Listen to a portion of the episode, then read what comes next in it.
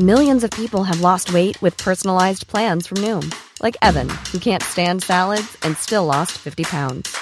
Salads, generally, for most people, are the easy button, right?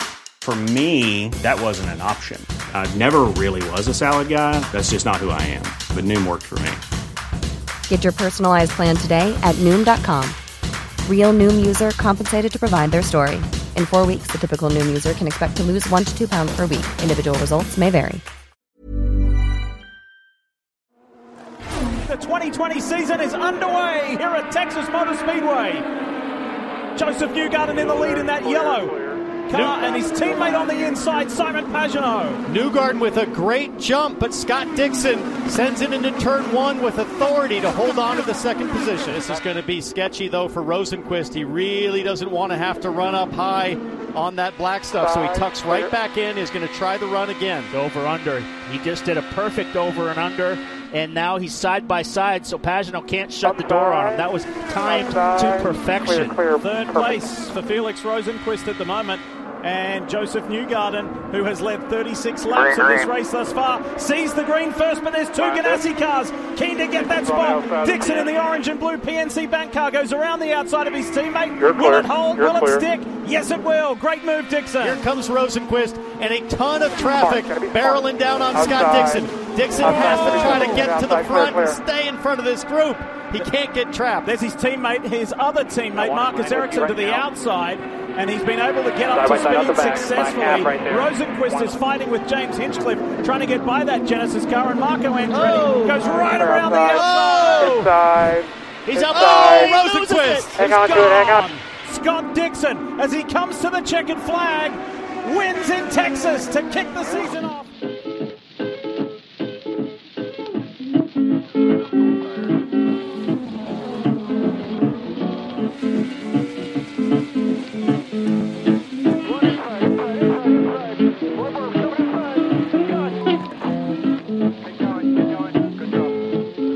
I wonder where my easy rider gone. Said I wonder where my easy rider gone. She's an easy rider, she ride not so long.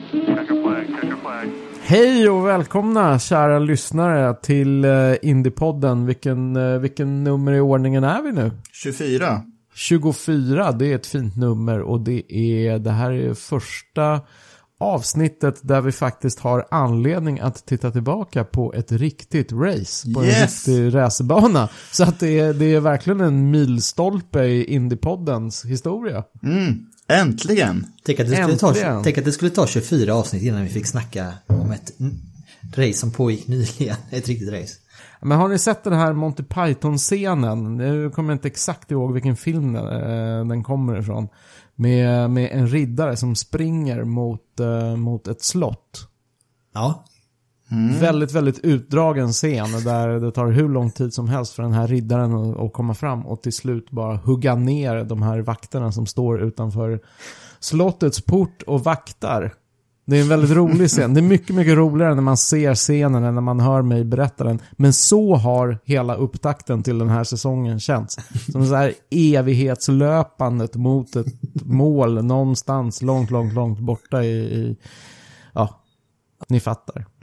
Är det där när de kommer fram och den där franska gubben är eh, John Cleese är den där frans, fransmannen som förolämpar dem där nere sen.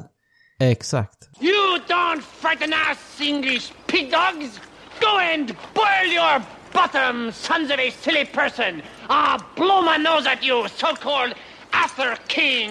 You and all your silly English kniggets! Så coronaviruset har varit John Cleese när han säger I fart in your general direction. Exakt. Det är ungefär där vi befinner oss nu alltså. ja, Ja, vi har mycket Men- att snacka om. det har vi. Verkligen. Så vart eh, börjar vi? Vi kan väl börja sammanfatta liksom känslan. Hur såg ni för det första racet? Live hemma i soffan. Såklart. Detsamma. Ensamma eller? Ja. Lyckades hålla mig vaken hela vägen. Jag var, jag var lite stolt över det faktiskt. Jo, jag, det, detsamma. Jag var så, jag var så spänd. Jag hade lagat mat hela dagen, gjort, gjort, ordning- gjort i ordning en Texas chili. Och sen så hade jag några fina öl i, i kylskåpet, men jag rörde aldrig de där ölen, för jag var så himla spänd inför det här första loppet. Ah. Så jag satt med ett par koppar kaffe och några glas vatten och höll tummarna för att racet skulle gå bra i, under, under, under i stort sett hela kvällen. Från åtta vid träningen, sen kvalet, liten tupplur innan racet, men sen så höll jag mig vaken hela tiden. Själv då Ronny? Jag var hemma hos eh, mamma och pappa och tittade eh, på racet så vi satt med Satt med lite mellanrum i soffan, jag och pappa på varsin ände. Social distansering fast... Eh, Ja, men det är och eh, käkade bär av alla, alla typer av av, av alla Okej. sorter och mått. Ja, och så eh, Trocadero Zero. Det är lite koffein i det. Och så satt vi och delade denna upplevelse. Det var um, sen småtimmarna då när det var dags för mig att pysa hem. Då var det ju ljust ute igen. Ja. Men det, Hade ni eh, laddat upp med svenska flaggor och allt som hör till? Nej, det hade vi inte faktiskt. Eh, Men eh, det var tur att vi inte bodde i... eh, Att de inte bor i lägenhet. För jag tror att han pappa hade nog väckt halva huset om eh, han hade... Det avgrundsvrålet som kom när Felix satt i muren där och Marcus blev stående i depå sen mot slutet. Men det var, så det var ju bra att de bor i villa i alla fall. Ja. Mm. Jag, jag kan ha väckt mina grannar, men nåväl. För de Alltså jag måste säga, jag är ju inte särskilt sportintresserad sådär i stort. Men jag får ju lov att säga att den här, det här var en av mina stora så här, sportbesvikelser i livet. Jag har och för sig inte så mycket att jämföra med, men det här var... Alltså det här var illa. Men vi kommer ju prata mer om det längre fram. va? Eh, kan vi börja liksom titta på förutsättningarna? Det här var ju ett väldigt unikt event i och med att allting skulle ske inom, det blev väl inom nio timmar ungefär från träning klockan sju och sen målgång klockan fyra svensk tid. Man hade två timmar träning totalt, eh, varav rookies fick en banan själva för en halvtimme. Och sen så visade det sig väldigt snabbt att eh, banan skulle vara liksom en enda single groove. Det skulle inte gå att köra i bredd, blev ju väldigt tydligt väldigt tidigt. Varför hamnar man där egentligen med banan? Så kan vi bara liksom prata lite om det. I höstas när Nascar skulle besöka banan, i oktober, så mycket svalare tid på året, eh, då behandlade man ovansidan, eh, särskilt i kurva 1 och 2, med eh, något särskilt absorberande ämne för att ge de tunga Nascar-bilarna lite bättre grepp där uppe. Det fungerade helt tvärtom för Indycar-bilarna tydligen.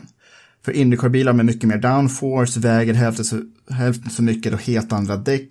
Dessutom nu i juni, mycket varmare på dagen, var väl närmare 30 grader. Det var enormt varmt. Över 30 tror jag va? Ja, när det var som varmast, det var ju liksom, när de mätte eh, temperaturen på asfalten i depån så var det 60 grader och sen blir det ännu varmare, varmare på den där mörka delen. Eh, Så väldigt tydligt blev det att där uppe skulle det bli väldigt farligt, väldigt vanskligt att köra. Och det blev väldigt tydligt under träning och sen särskilt under kvalet när Takuma Sato eh, gjorde en jättekrasch där uppe och inte kom till start. Så ja, det, det var väldigt halt var det första man såg under träningen för alla. För där var det en av de, de sakerna som verkligen kom att påverka hela helgen.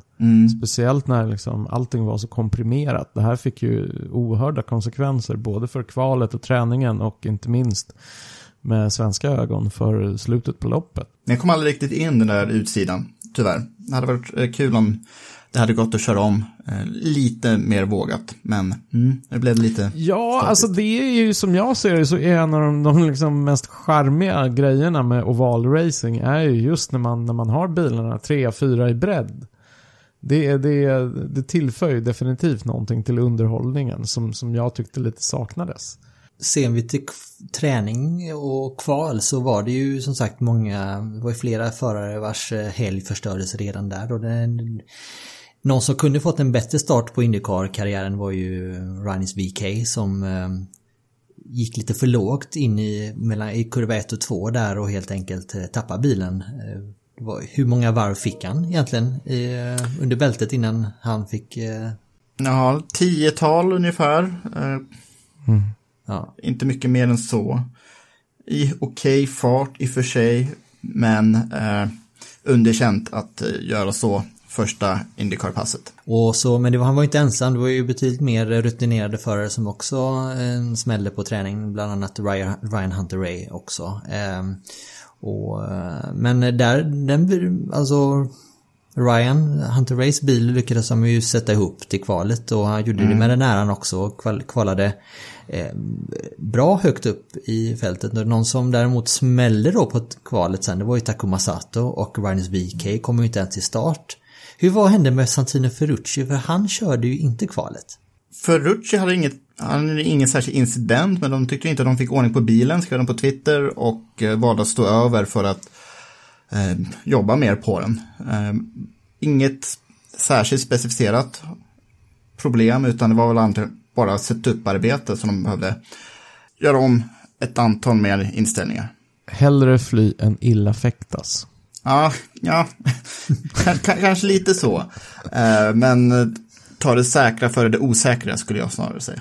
Ja, det är den diplomatiska tolkningen. Ja, visst. Absolut. Mm. Sen eh, var det ju väldigt tydligt att de farhågorna som vi hade där med att eh, Marcus skulle gå ut först i kvalet eh, var ju att eh, det är ju för att de, de baserade väl startordningen nu på kvalet på resultatet i, från förra året och i och med att Marcus bil nummer 8, Chip Ganassi, inte kördes allt förra, allt förra året vilket innebar då att han skulle starta först.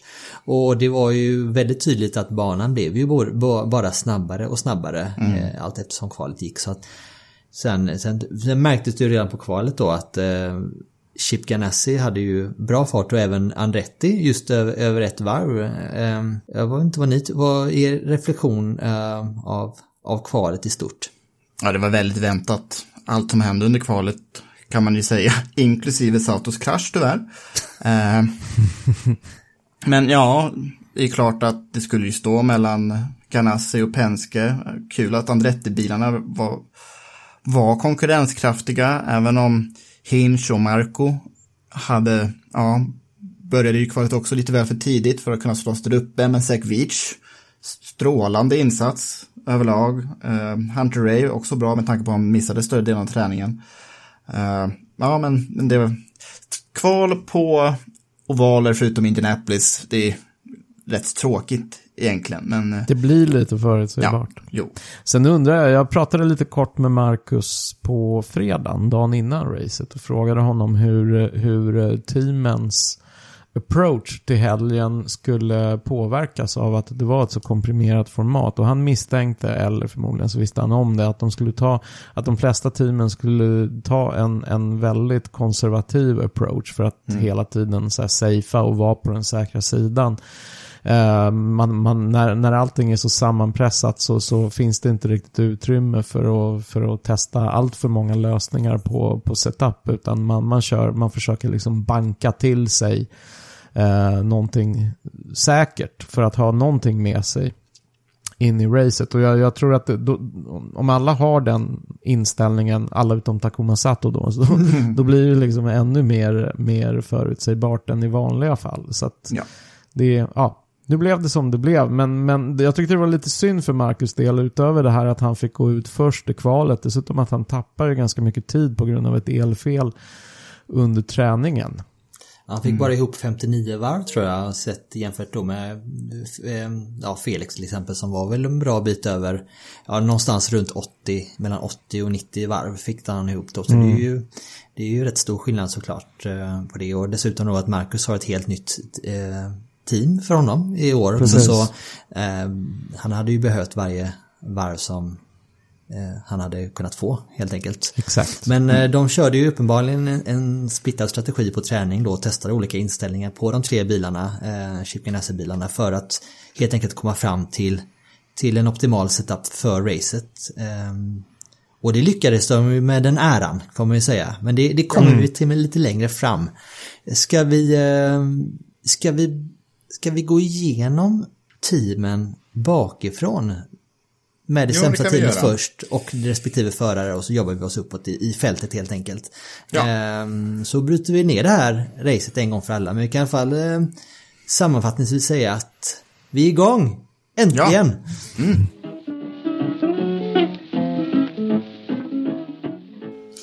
då börjar vi med Dale Coin Racing. Eh, då har vi Alex Palou på 23 plats och eh, Santino Ferrucci på 21 plats.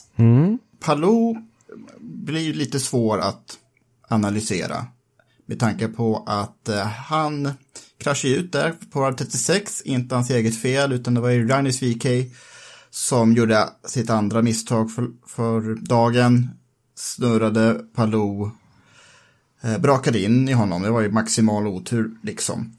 Eh, det här, jag tycker att Texas är nästan orättvist för både Palou och VK att det här är då där de ska göra debut i Indycar. Ingen av dem har ju jättemycket eh, erfarenhet från ovaler. Det var Palous första ovallopp någonsin till och med och det här är första gången sedan 2008 som säsongen inletts med en ovalbana. Så ingen rookie på 12 år har haft det lika svårt som eh, Palou och VK.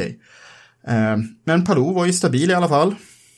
Han gjorde ju inget dumt på träning eller kval, så ja, vi får nog räkna med att analysera honom lite mer närgånget eh, nästa lopp då. Just det, för han var ju helt, eh, som du säger, han var ju helt oskyldig till att han blev bortplockad ur, Ja. ur racet. Eh, däremot så, vad var det han kvalade? Han kvalade på 16 plats före, före Marcus gjorde han. Eh, Platsen före där. Eh, och då var han faktiskt eh, bästa rookie i, på kvalet. Så det... Ja, Ja, nej men det kan vara mer smak helt enkelt. Eh, och ser man Santino Ferrucci då så eh, han kvalade inte alls då eh, och sen så kan man väl säga att han bedrev en hyfsat anonym tillvaro under racet tills det att hans helg, hans kväll också tog slut i, i för, förväg. Kan man ja säga. glider på en. Körde iväg utan ett bakhjul. Det är inte, ska, man ju inte göra. Men det kan vi knappast lasta honom för eller? Alltså, det, det påstoppsproceduren är helt annorlunda än Formel 1, där de ant- antingen har en lollipopgubbe eller ett ljus, liksom som man kör efter. Eh, I depåstoppen så är det mycket mer efter föraren, när föraren liksom får någon form av signal, vilket oftast ju är en mekaniker vid Eh, hög framhjul som viftar. Ferrucci körde för tidigt. Gjorde ju Bill Power också under loppet, men ja, nej, det är klantigt gjort bara. Nu är det för såklart för tidigt att dra några slutsatser eh, kring detta då men eh, Dale Coin Racing har ju i år en lite speciell situation på förarsidan för de hade ju Sebastian Bourdin förra året och Santino Ferrucci som den här som rookien som kunde slå i underläge och ja allting han gjorde positivt blev ju otroligt väl mottaget. Nu är det Ferrucci själv som ska vara den som axlar teamet. Eh, och Alex Palou som, eh, som rookie då. Det är ju, frågan är om, det, det, fördelen där är att de kommer att ha kontinuitet hela året för det är bara de två som kommer köra. Men eh, f- ska bli intressant att se hur Ferrucci klarar av den här typen av, av press. Helt ny typ av press. För nu är det inte han som är den som slår underläge längre. Nej, men jag tycker vi ska ändå nämna en sak. Det är att hans chefsingenjör från förra året, Michael Cannon, har lämnat stallet. Och Ferrucci var ju som bäst förra året på just ovalerna, men nu saknar de något. Han, körde, han var som bäst uppe på trettonde plats under loppet. Men ja, han gjorde knappt en fluga för när, förutom just vid det här sista depåstoppet då. Och något som saknades. Mm, exakt. Om vi går vidare till nästa team då har vi Rayam, eh, då har vi Rail Letterman Lanigan eh, Takuma Sato 24, eller kom inte ens till start då av förklarliga skäl. Och så Graham Rail på 17 plats. Däremot så gjorde Graham, eh, han, han har ju gjort bra resultat på Texas förr och eh, han kvalade ju ändå på sjunde plats. Så att det var ju en, alltså det såg, förutsättningarna var ju bra inför racet. Men sen var det ett litet tekniskt problem där.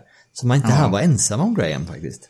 Ja, han- måste vara den mest frustrerade föraren i hela fältet. Liksom, bilen går sönder innan start, det var ett elfel. Så han fick inte igång bilen till, till start. Eh, jag såg att han rullade ut ur depån precis när starten gick. Men han, han drog på sig två stycken stop and goes där i början. Jag är inte helt säker på vad det kan ha varit att han eh, körde ut ur depån mot rött, rött ljus eller något sånt. Eh, sen tror jag att det var han körde för fort också när, efter han tog det första, så då var han ju redan där tre varv efter och då var det ju rest, resten av loppet ett test. Vad säger vi om Takuma Sato egentligen, den, den grejen han gör där? För Han kör ju på ladd liksom. Han vill ju så oerhört mycket. Han körde ju på den där svarta delen, han hade ju inte läst banan riktigt. Nej. Nej, han var ju alltså en bilbredd kan man väl säga för högt upp jämfört med eh, alla andra i den han skulle gå in och plocka lite höjd inför på sitt upp, det var ju på uppvärmningsvarvet på kvalet som han, eh, som han smäller då. Eh, nej, det är otroligt, men han såg nästan lite tagen ut efteråt i intervjun tycker jag. Det var ju en rejäl smäll han åkte på. Ja, han var nog superbesviken. Så, ja, det är också värsta möj möjliga start på året. Någonstans ligger det lite i linje med hur, hur Takuma Sato brukar bete sig på banan ganska ofta, är det inte så? Men då kommer han vinna nästa lopp ju. Så, Ja, det är varannan gång liksom. ja. Men eh, jag tror ändå det, alltså det kändes ju som så när man tittade på start, Eh, startgriden, vilka som var med där uppe i toppen. Och det kändes som ett sånt där, ta med en sån som Graham Rahal till exempel, eh, Ryan Hunter Ray, vi återkommer till honom lite senare. Eh, de här, om man kallar dem för gamla rävarna som har varit eh, med i många år och varit väldigt framgångsrika, att de har det kändes som att fasen, 2020 kanske blir just det här året där de får vara med från början och vara med och hävda sig och vara med där i toppen och, och fightas. Eh, men då vill ju som sagt nu, ja, vad tror ni om Grahams eh, karriär, säsong i, eh, framöver här nu med den här starten? För någonting som började så bra och så blev det pannkaka av alltihop. Mm, han är svår att läsa. Så.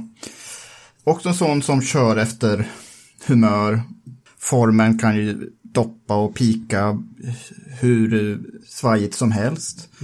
De behöver verkligen fokusera på nästa lopp och få det allting att stämma där. Då kan, eh, då kan de nog vara farliga resten av året, men ifall det går dåligt nästa lopp, då kan nog bli en väldigt djup dal de hamnar, hamnar i. Mm, sen tror jag nog att vi ska, precis, jag tror att vi ska nog akta oss för att dra allt för långtgående slutsatser utifrån ett race bara. Jag menar, det är, mycket kan ju hända. Och det tar nog två, tre race tror jag innan man börjar se så här tydliga tendenser så att man ska börja, så man eventuellt kan börja, börja diskutera hur, hur säsongen ser ut liksom. Mm. Det här var ju väldigt speciella förutsättningar för alla. Du, du, du, du. Nästa kör vi Meyer Shank Racing med Jack Harvey som gör sin första Meyer Shank som gör sin första fulla säsong här nu i Indycar. Där har vi eh, eh, Jack Harvey på, blev på 16 plats till slut. Men får man, ska man se till hela helgen så var han ju inte ett dugg förtjänt av den. Eh, med tanke på att de var ju alla långsammast av alla. Just det, kvala 21. Och det var ju mycket långsammare än den fram. Det var liksom tre miles per hour efter och sen var en lite rörlig chikan under första hälften av loppet. Fick upp farten sen mot andra hälften om inte vä- vägen så mycket. Kunde ju hänga med liksom. Men Det här är väl rätt typiskt för ett rookie-team, är det inte det? jo, om inte minnet sviker så är det första gången de kör på just Texas också. Mm. Meyer Shank kom ju från IMSA, sportvagnsmästerskapet i USA. Där de vunnit Daytona 24 timmars till exempel. Så de känner sig mycket mer hemma på landsvägsbanor och stadsbanor. Så ja, också väldigt, väldigt svår debut för en full säsong för dem. Jack Harvey som har, eh, är notoriskt snabb eh, på, på eh, road och street courses. Han har ju gammal i gamet också. Ja, Man undrar ju Meyer Shank framgång här nu i år när de äntligen får köra, fått ihop en, en full säsong. Att de, Det är ju det som på något sätt är själen i Indycar tycker jag. Just de, alla den här blandningen av team och även de här mindre teamen som vi får se här. Det är, det var lite, lite synd om honom här senaste nu. Men eh, jag tror att det var tack vare alla gulflagg och alla incidenter gjorde ändå att han skrapade upp en 16 plats här nu då. Ja, de var nog väldigt konservativa och man ska inte döma dem för hårt för det heller. Nästa på listan då, då har vi AJ Foyt Racing och där har vi ju, där hade vi Charlie Kimball på elfte plats och Tony Kanan på tionde. Ehm, och med tanke på AJ Foyts eh, gångna säsong där de var ju det teamet som var längst ner i eh, resultatlistorna så var ju detta ett uppsving och framförallt får man väl säga att Charlie Kimball övertygade otroligt mycket i lördags. Ja, riktigt tråkigt avslut på loppet bara när han också blev utknuffad lite i på utsidan, det inte fanns ett grepp och sen snurra och krascha på sista varvet. Men det var ju hans bästa lopp på ett antal år alltså. Det var jättefint kört fram tills ja, sista depåstoppet som, när han tappade ett par placeringar. Eh, han hade ju en topp 4 på G. Så det hade jag aldrig någonsin trott att han skulle vara uppe och fighta i topp 5. Tanke på Foyt, stallet har ju gått kräftgång i några år. Kimball själv, sen han fick bli petad av eh, Chip Ganassi för några år sedan så har inte han heller haft några resultat att tala om. Eh, så ett rejält uppsving och Tony Kanan var ju också där i topp 10 i första delen av loppet. Sen gjorde han dåligt påstopp, hamnade längst bak i kön men körde i sakta men säkert upp sig till den tionde platsen då. Så ja, det är rätt lovande alltså. Jag vet vi pratade om Charlie Kimball innan säsongen när vi eh, gick igenom alla teamen och förutsättningarna. Då pratade vi, om jag minns helt fel, så pratade vi just om det här att det här blir lite den så här förmodligen sista stora chansen Charlie Kimball får. Så det vore rätt kul om han faktiskt eh, tar den och att det vi såg nu är starten på, på en slags fin trend både för honom och för, för teamet AJ Foyt. Mm. Mm, för han är också den enda i, i AJ Foyt-stallet som faktiskt kör fulla säsongen. Kan han kommer ju bara köra på ovalerna, sen hoppar Sebastian Bourdais in och sen Dalton Kellett som är rookie. Så det hänger lite på Kimball också, men eh, väldigt, eh, väldigt fin fint lopp för Foystallet. Och framförallt eh, roligt tycker jag att se Tony Kanan tillbaka med sin 7-Eleven sponsrade bil. Ja, väldigt nostalgisk liksom. Jag ser honom i 7-Eleven kostymen. Det, det kändes så naturligt men ändå nostalgiskt på samma gång. Det var tio år sedan han körde en 7-Eleven bil senast då i Andretti Autosport. Det var där han vann mästerskapet också 2004. Mm. Så ja, det var Väldigt snygg bil. Ja, den sponsor som, för, som förknippas starkast med det är Tony Kanan kan man Absolut. tillägga. Oh, mm. Ja, fint. Men vet ni om det någon mer, blir någon mer gång i den här säsongen eller om det, är ett, det här var en one-off? Jag kan tänka mig att det kanske dyker upp igen. Han använder ju den också under iRacing-tävlingarna. Så det har de nog, det var nog inte liksom sista minuten deal utan det kan, kan de nog ha slipat på ett längre tag så vi får se. Alltså marknadsvärdet måste ju vara enormt för han kommer ju få så extremt mycket uppmärksamhet, Tony Kanan. Dels för att han är en sån skön snubbe men också för att det nu är dags att verkligen runda av den här karriären. Mm. Mm. 45 år gammal, mm. äldste fältet. Kört varenda lopp. 23 säsongen va? Han debuterade 1998, alltså ja, 23 säsongen. Ja. AJ Foyt har ju onekligen kommit in helt rätt i detta. Nu känner de och gjorde en stor omkastning eh, på personalsidan och organisatoriskt nu inför den här säsongen och att få med sig ändå man får ändå säga att de får med sig ett bra resultat här. Det kunde varit ännu bättre om Kimball hade haft lite, lite mer flyt med sig. Då hade det kanske till och med blivit en eh, ja, topp 4 placering som, eh, mm. som bäst där rent realistiskt då. Men det är ju onekligen så att AJ Foyt har fått upp farten i år och förhoppningsvis kan det hålla i sig. Ska vi ta en liten paus mitt i här nu för att nu har vi ju ytterligare en vinnare i vår Tico Racing Cup tävling. Ja, just det. Eh, det här, eh, den här tävlingen som pågått nu några veckor där vi har ett samarbete med Tico Persson och Tico Racing Shop i Halmstad. Eh, Sveriges mest välsorterade butik av racing memorabilia och bilmodeller får man säga för den som samlar och eh, brinner för det här med motorsport lika mycket som vi gör. Och mm. Eh, det som låg i potten här nu det var ju en eh, signera, en autograf och en modell av Felix Rosenqvists Indycar-bil från förra året i skala 1 till 18. Värde 1200 kronor och vad, ska vi börja med att säga vilket rätt svar var? För, för ja. frågan var ju, i Ticcos sortiment så finns det en eh, Le Mans-vinnande bil från 97, den som Stefan Johansson körde. Så frågan var då vilken skala är den bilen i? Och eh, vilka körde, del, vilka delade bil med Stefan Lillövers Johansson det året han vann eh, Le Mans 97? Och där var det ju, vem vill dra rätt svar där? Det var skala 1 till 18. Ja. Och förarna var ju då såklart Tom Kristensen och Michele Alboreto. Yes. Och eh, då skulle jag vilja be om en liten trumvirvel.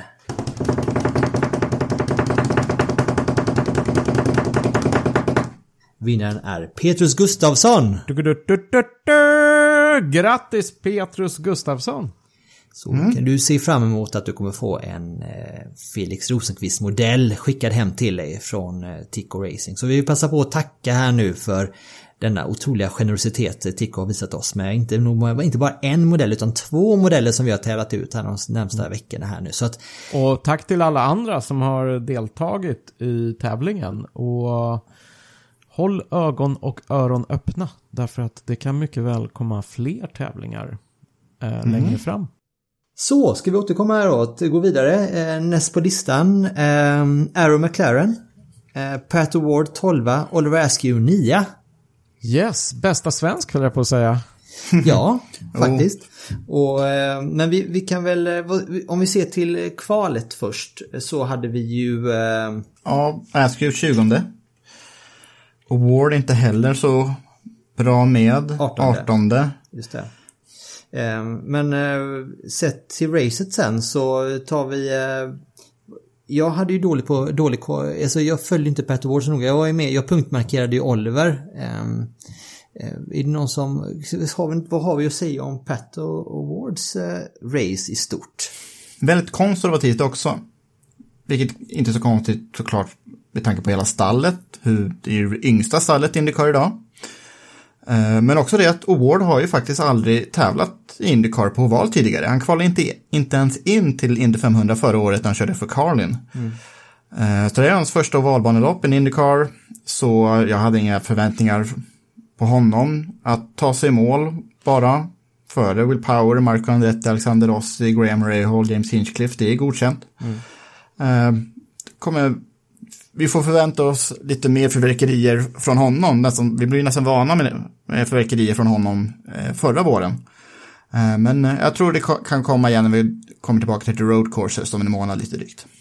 Och tar vi Olivers eh, race så var han ju som sagt kvalade 20. Han var nere kort ner och vände på 21 plats i starten. För han startade ju som sagt, det blir ju lite problem för vissa, tekniska problem för vissa förare. Så att rent, i realiteten startade han högre upp än sin 20 plats. Men han, alldeles i starten var han nere på 21 men det vände ju snabbt uppåt sen. Så sen så jobbade han sig väldigt, väldigt moget och rutinerat sig upp igenom fältet under hela racet egentligen. Så att på varv 35 eh, så vid första depåstoppet så var han på 19 plats. Eh, men sen alltså varv 49 var han 15, varv 80 var han 14 och sen egentligen från varv, ja runt lite drygt 100, varv 100, eller 120 så var han på 11 plats helt enkelt och åkte ju väldigt länge i samma kluster som Marcus Eriksson och eh, Colton Hurta. Ehm, och eh, som sagt med all efter all tumult på slutet så var han ju till och med uppe på åttonde plats och som blev till slut en nionde plats. Han var ju helt överlycklig av detta. Eh, Men han visade ju både mognad och, och fart eh, och lyckades hålla sig undan eh, några incidenter. Och ja, vad, vad, tycker ni om Olivers insats? Jag tycker det var mycket imponerande. Han är ju bästa rookie. Slutställningen. De andra är ju inte ens i närheten. Och eh, någonting vi, vi redan har berömt eh, Oliver för det är ju hans jämnhet och att hans, hans eh, så här, till synes otroliga förmåga att undvika misstag. Och är det någonstans man verkligen behöver det så är det kanske i sin, eh, i sin ovaldebut på en sån svår bana i Indycar som, som det var i helgen. Och han visar ju bara än en gång hur stabil han är när det gäller. Och så att, nej, jag tycker det var fin, fin debut. Mm. Körde som en veteran. Liksom bara smög upp sakta men säkert och sen levererar när det väl gäller. Så jättesnyggt. Och en topp 10-placering måste, ju- måste ju vara en, klart godkänd Oh ja, i, i oh ja. hans sits som, som eh, rookie. Definitivt. Och eh, också måste vara väldigt skönt att eh, i teamet visa direkt från början att han är att räkna med. Att eh, man ska inte ta för givet att det är Pat Award som, som kommer vara teamledaren i praktiken ute på banan utan att han faktiskt är med och dessutom slutar före Pat O'Born. Men ska vi höra vad Oliver själv hade att säga? Ja, det gör vi. Oliver Askew, welcome back to the show. Thank you for having me. Yeah, good to be back. First of all, congratulations to finishing ninth in your IndyCar debut. Yeah, finally got my my first IndyCar race under my belt. would you give us your thoughts? Uh, and did you get any sleep last night? Uh, that night after after the race? To be honest, I slept pretty well. Um, I was, you know, leading up to the race. Of course, there's some nerves, but uh, surprisingly, I was I was quite calm about the situation because um, I knew there there wasn't so much pressure on that weekend. Um, for one, we didn't have any fans, so it didn't feel like you know the the whole world was watching you, which they really were because we were on primetime NBC television. Um, but also, you know, for for the rookies, um, nobody was expecting much from us uh, because we, you know, both both Pato and I. Pato's never been to the track. I had at least a half day um, there a couple months ago, um, but I think there was four, five of us who um, don't have much experience at that track at all. So um, I know that I wasn't uh, planning on taking any big chances. So um, you know, it was more of a a glorified test session, if you will, or practice session, practice race. That's my mentality going into it. And uh, you know, once once we started going, once we took the green flag, um, uh, just kind of built my confidence and understood how the car was reacting in dirty air and in traffic, and uh, where our car was good, where it could be better. Um, and then we just progressed through the race. And honestly, I don't I don't think I passed anyone for position on track. Um, it was all just taking advantage of other other drivers' uh, mistakes or misfortune with mechanicals, or um, I just saw that we were the fourth quickest team in the pit lane, which is awesome. Um, I, th- I, think we we didn't we didn't lose any positions in pit lane. If anything, we gained some. So, like, yeah, I mean, all in all, just a phenomenal, phenomenal debut. Um, yeah, to finish top ten is just icing on the cake um, after finishing the race. So um, yeah, really, really proud of, of everyone on the team for, for doing a good job in the pit lane and, and for, for dealing with the 100 degree plus heat Fahrenheit. It was uh, really, really tough for everyone. Yeah, uh, talk about the um, uh, the heat. How, how, did you experience the sitting in, in the cockpit with the uh, aero screen? Uh, did you? Uh, how was that experience? Honestly, once we were going, like once once the car was moving and on track, going over 200 miles per hour, um, it wasn't that bad. But when whenever we pulled into the pit lane or we sat there and practiced making changes, that's when it was really hot. So um, it was more enjoyable um, once we were on track and the air was moving. And that, at that point, I I, uh, I didn't have any complaints or any thoughts about it. So um, we did use the the intake scoop for the helmet, which I think helped. Um, it was it was mandated a couple days before the event for everyone to use that. At first, it was optional. Yeah, I was doing a lot of heat training uh, before that event. So I'm very happy that that all paid off, and I had all of my Hammer Nutrition supplements and and uh, electrolytes to to help with the day. So really happy that all the preparation paid off. As you, as you said, it was the first time for you and for Pato on on uh, on that course. Uh, uh, how how did you you and the team choose to approach the weekend? Um, was it hard to find the right setup from from the get go, or did you? Because it it, it was quite clear earlier uh, early in the day that this was supposed to become a, a single fire race, right? Yeah, it was quite clear, and I think with the extra tire deg. Um, we were running left side Firestones uh, that were not intended for that track because of the the factory shut down at Firestone in Ohio. Um, and also they had some some NASCAR uh, artificial rubber on the outside of the track, which would have which should have been a second our second lane, um, and that was very slick. Um, I'm sure a lot of you have have seen uh, Takuma Sato's crash in qualifying. That was just because he was on that that black uh, tarmac that was just very slick throughout the day. So I don't think anybody even tried. Well, some people tried. It didn't work out well for them. Yeah, right. Because, because uh, that was a huge crash, and I was quite I was quite worried about him. Uh, to be honest, the first the first uh, first moments there, but he luckily got out. Um, but but did you? Uh, because um, I think, as you said, you managed to gain positions uh, in the pit lane. Um, you you ran quite a few laps, uh, a lot of laps uh, together with uh, Colton and Marcus, right? Yeah, most of the race was was behind those two.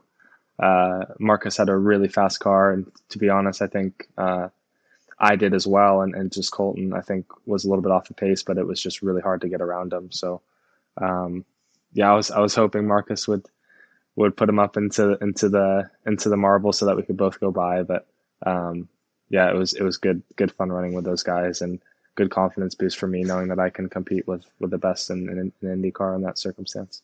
How long did it take for you to like to get up to speed and that feel that you could be compatible with the with all the other drivers that have been on the track before?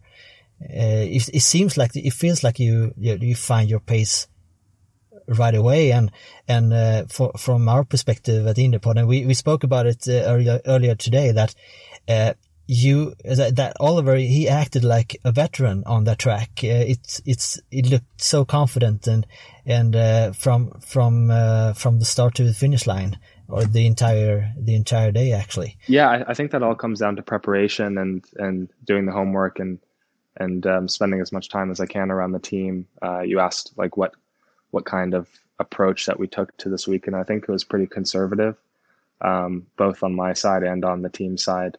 Uh, we weren't expecting any um, any really super good results like a podium or a win. You know that was that wasn't what the goal was given the circumstances of, of the one day event.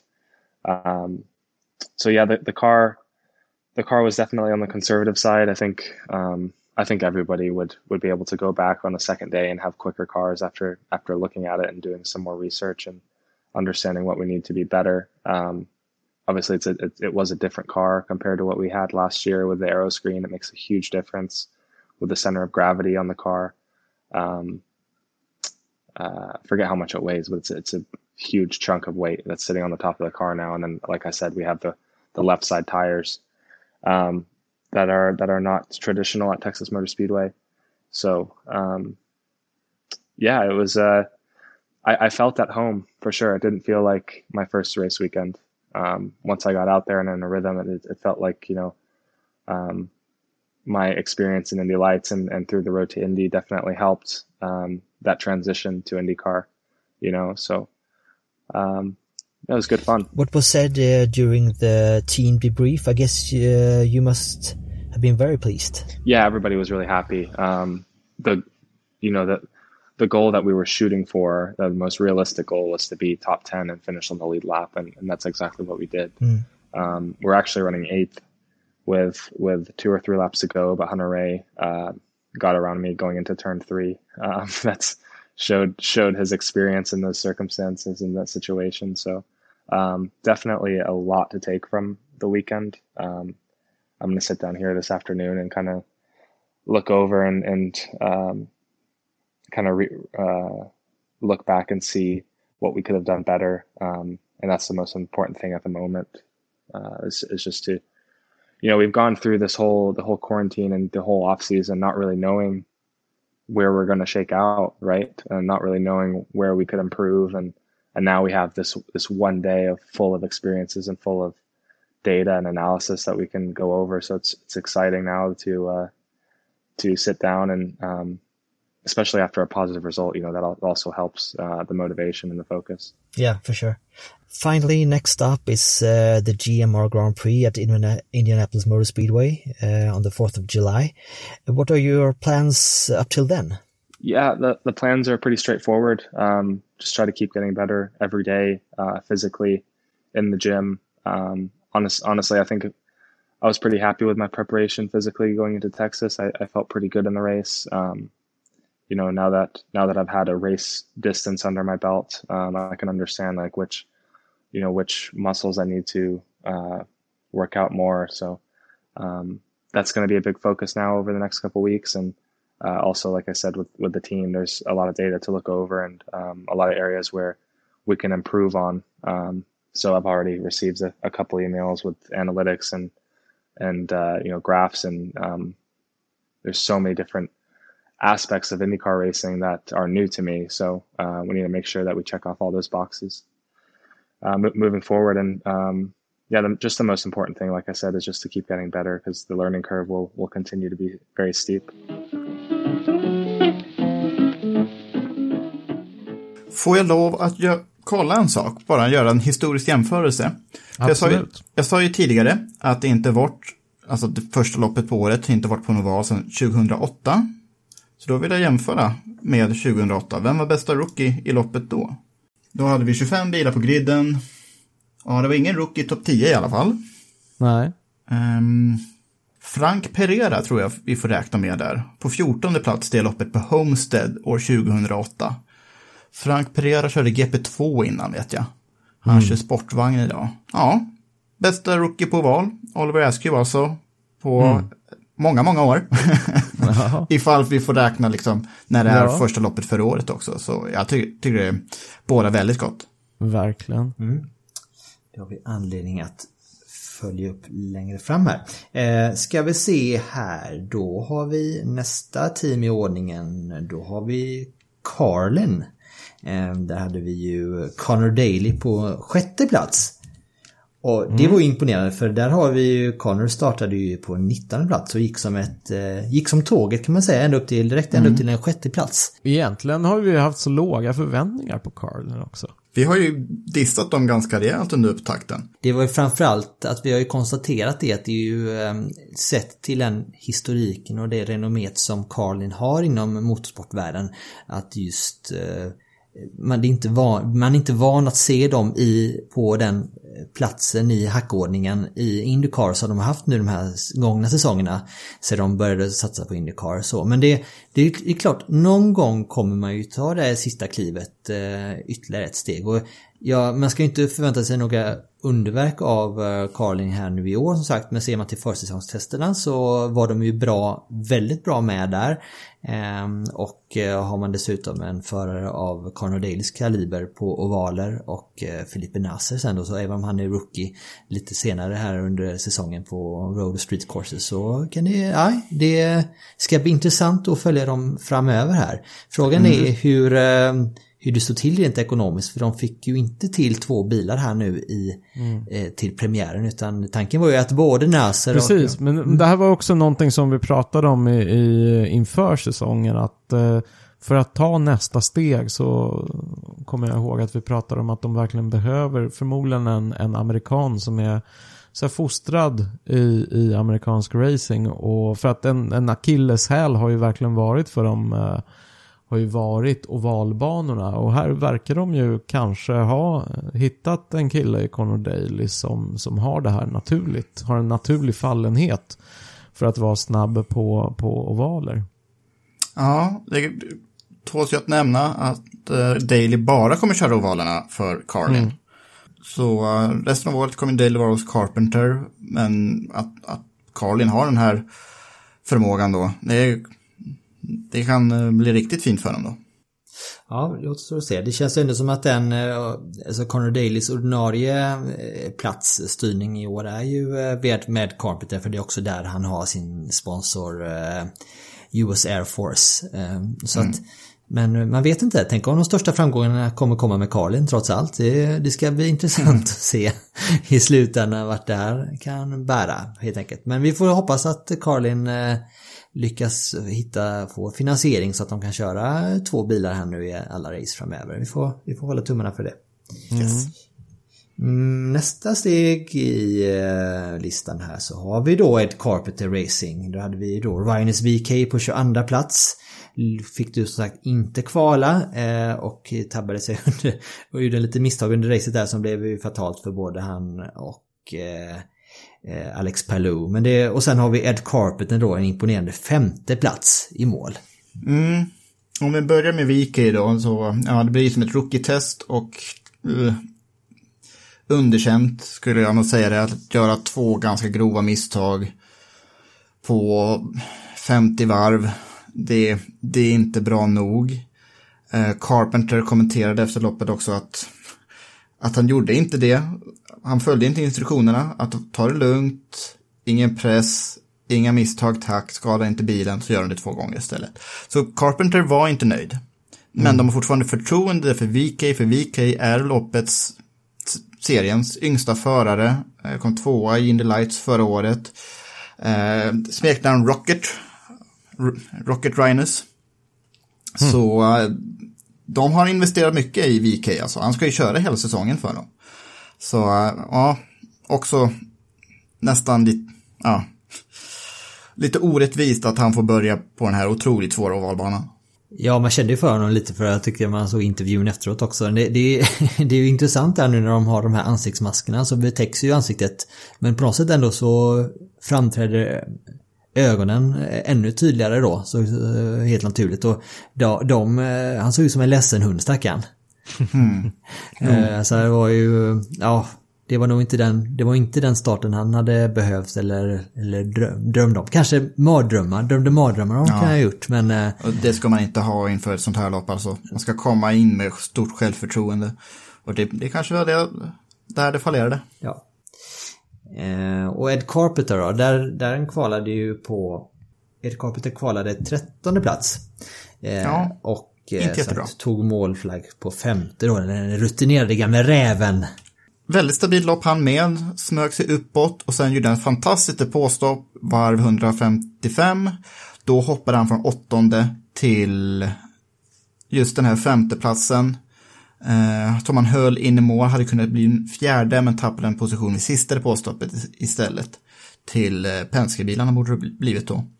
Så Carpenter på val, han är egentligen sån som antingen vinner eller kraschar känns det som. Nu var det ett tag sedan han vann ett lopp senast, men han har vunnit här på Texas 2014 har jag för mig. Men ja, stabilt. Han börjar när, närma sig slutet av karriären kan jag tänka mig. Han är en av de äldre.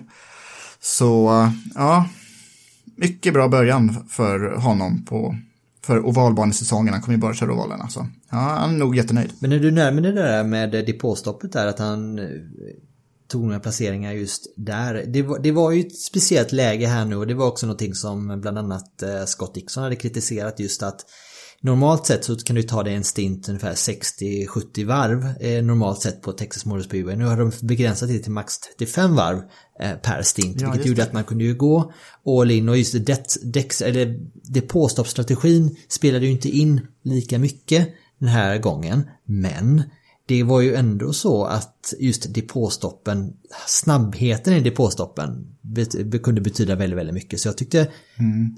depåstoppen blev ändå en väldigt central del av racet ändå. I allra högsta grad. Det var ju där Foyt-stallet saknade något, då det var där Carpenter vann en hel del. Så, ja, det har du helt rätt i och anledningen varför man hade den här regeln med max 35 varv på däcken det var ju för att Firestone hade inte lyckats tillverka tillräckligt många nya däck. Så man körde med insidan då, vänstersidan, med däck som egentligen var byggda för Indianapolis. En platt, ganska platt oval. Medan bara högerdäcken var Texas-byggda. Det har ju varit lopp här tidigare där däcken har blistrat ganska rejält och man vill absolut inte ta några chanser på sån här ganska tight, snabb, högbankad bana. Så jag tycker inte att det här förtog någonting riktigt av loppet. Men det gjorde ju att eh, strategifönstret blev mycket snävare för, för precis alla. Och man ser ju här, här på eh, varvcharten att alla gör ju sina depåstopp, även det allra sista runt mellan 181 och 189 och det var ju eh, andra år så har det ju skilt 20 varv mellan eh, i, depå, i depåfönstret. Så ja, det, det var just mekanikerna som gjorde väldigt stor skillnad den här gången. Undrar varför inte Firestone hade hunnit tillverka fler däck? Det har ju varit en pandemi, har du missat det? Ah, åh oh, fan. Så deras fabrik hade varit stängd i ett längre tag, så det var därför. Ska vi ta eh, Andretti då? Eh, ja, då har vi en hel del förare ju. Mm. Vi har, eh, ska vi se, ska jag dra dem? Vi, vi kör ja, ja. Eh, eh James Hinchcliffe 18 Alexander Rossi 15 Marco Andretti 14 Ryan Hunter Ray 8 Colton Hurta 7 och bästa Andretti-förare den här helgen var Zach Beach på fjärde plats. Snacka om att studsa tillbaka om man börjar med Zach Beach eh, helg här. Ja, en mindre skräll skulle jag vilja säga. Han, han sa innan loppet att målet var att inte krascha i kurva två. Eh, för det har han gjort de två tidigare loppen han kört här.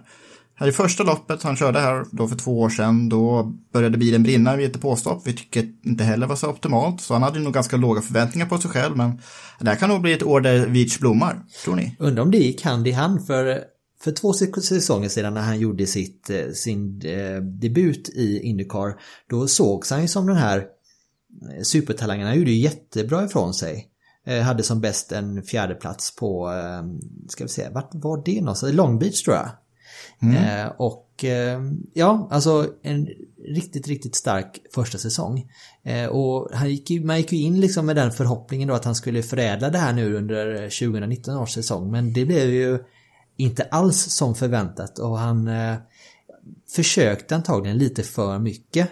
Eh, och, vilket var väldigt tydligt och det kanske var det som var en del av det här när han gick in i den här helgen med lite lägre ställda, lägre ställda förväntningar och då kom ju också resultatet för eh, kvalade både högt och eh, som sagt tog målflagg på fjärde plats. Det, eh, jag tycker det var, han är en av de här mina favoriter just från den gångna helgen.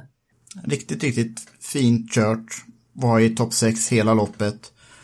Och för en sån här kille som, som eh, har haft eh, det lite motigt under så gott som hela året och haft det här hängande över sig. Så måste det betyda så otroligt mycket att komma iväg från första racet med en fin fjärdeplats. Mm. Mm. Det kan ju, det tror jag kan ju påverka precis det här som ni pratade om tidigare. Med vilken attityd, vilket självförtroende man går in och sätter sig i bilen nästa gång det är dags att racea. Och sånt kan ju få konsekvenser för, för hur hela säsongen artar sig. Så att på det sättet var det här, det var ju oväntat. Weech är ju inte någon man har, man har pratat om särskilt mycket under försäsongen. Så att eh, det var ju oväntat och, och med tanke på hur, hur blek han ofta såg ut hela förra säsongen, sluta på en sammanlagd 18 plats liksom. Så är det här ju otroligt eh, kul att se att det var just han som, som slutade som bästa Andretti-förare. Alltså, Gerge, han ser ut sån. Han är rätt blek va? Ja, alltså jag, så här, ja, inte jag sagt vit här, så jag var är han någonstans? Och så såg jag ett glasögon, så här, han var nästan transparent. han är så liten också. han är väl nästan... Han är min längd, det vet jag faktiskt. Ja, vi är lika långa. Men du är ju klippt och skuren som en racerförare, Gergej. Ja, ja precis. Uh, måste bara gå ner 15 kilo sen är jag, sen är jag redo. Ja, du är som två racerförare.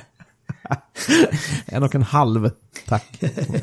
jag vet ju att du eh, tränar otroligt mycket du med rullmaskinen där. Så jag bara, det ska bli kul, ja. att, kul att se när du är sen i total Tränar för Indy 500 2026. Jag har hört att du har bokat tid nere på Formula Medicin också. Ska bara träna reaktionsträning där och mental träning. Ja, verkligen. På de där slå till på lysande bollar på väggen-grejen. Ja. Vet du vad jag tänker på? Jajamän. Jajamän. Ja. Ehm, då går vi, om det var, ja okej, okay, då ska vi se. James Hinch Men ska vi inte säga några ord om vilka som, som uh, underpresterade hos Andretti? För då, de, de känns som liksom en tredjedel av fältet är ju Andretti-förare. Ja, ja, men vi kommer ju dit nu. Mm. ja, vad bra. Jag, hoppa, jag hoppade till eh, höjdpunkten direkt här, men eh, okej. Okay. Vem underpresterade då? Eller vilka underpresterade? Stallet. Som helhet ja. Ja. Mm. Jag menar de ska ju inte ha så här, de flesta av sina förare på nedre delen av resultatlistan. Och två bilar liksom stod stilla vid starten. Och mm. liksom fick inte ens, hade ingen tändning när de skulle ut på formationsvarv. Och sen då har jag kollat på Andretti också. Han var ju med i topp 7-8 första, del, första hälften av loppet. Sen tappade han tre positioner i depån. Så Andretti var ju snabb, men stallet svek honom lite. Mm. Hinch då, han hade ju också något problem i, i depån, tappade tre varv. Och ja, Hunter Ray och Rossi hade ju, hade ju inte en chans för de började loppet två varv efter de andra. Så. Mm. Ja, precis. Det var ju eh, Rossi och Hunter Ray som hade det här tekniska felet vid starten. Eh, kan det, kan det, om jag bara rycker den här frågan ur luften. Kan det vara så att Andretti har för många bilar? Ja, det kan det nog vara. Hinch ska inte köra hela säsongen. Kanske sträcker ut på resurserna lite där va? Mm. Men ja, det är lite knepigt. Alltså jag tänker mig organisatoriskt så, så måste det vara rätt struligt att ha så här många bollar i luften samtidigt för att använda en gammal klyscha. Ja, det är någonstans går väl gränsen kan man väl säga för vad en eh, sweet spot är. För mm. eh, det är väl en av de grejerna som vi har hyllat med Indycar just att det är eh, mycket mindre definierat första, andra förare och så här som det är i Formel 1. Det kan bli väldigt politiskt så men någonstans går ju gränsen också för var fokus ska läggas och tar vi en sån som Colton Hurta som till slut blev sjua som var näst, som näst bästa Andretti-förare då så Um, som vi har väldigt höga förväntningar på den här, den här säsongen. Så det, ja, vem, vem, uh, ja precis, det får inte bli för urvattnat då kan det, finns det risk för det. Det, det återstår, det kan ju svänga jättesnabbt ja, såklart. Men absolut. det är en tes som jag tycker vi ska titta lite närmare på framöver här nu och ha med oss i bakhuvudet. Att, uh, ja. Är de för många? Det, det, är väldigt intressant. Vad säger vi om Marco Andretti i övrigt så? För det kändes ju, hans säsonger senast här nu har ju varit underkänt får man säga. Och mm. det nu kvalade han bra och var med bra länge. Eh, som sagt, han var inte ensam då skyldig till eh, att det blev som det blev till slut. Det drabbades han ju lite, lite otur och teamets eh, och team, ja, teamet låg bakom lite misstag där också. Eh, men vad hoppas, han hade ju verkligen behövt en framgång den här helgen. Mm. Ja. Han har ju varit i England för att starta om sin karriär eller lära sig att köra bil hos den här förarcoachen som jag inte kommer ihåg namnet på, men han har varit där ett antal gånger tidigare och fått beröm och det är alltid, hans karriär har alltid tagit bättre fart efter han har varit på den här engelska förarskolan som, Gary kan, kommer du ihåg namnet? Nej, inte så inte, äh, inte jag heller tyvärr. Äh, så, ja, att, att Andretti får man ju ändå säga att det är en framgång för honom att, att ens vara i topp 10. Så det var ju lite surt för honom att han tappade så mycket i depån sista, sista två stoppen och sen blev det en 14 plats i mål. Men snabb var han ju så.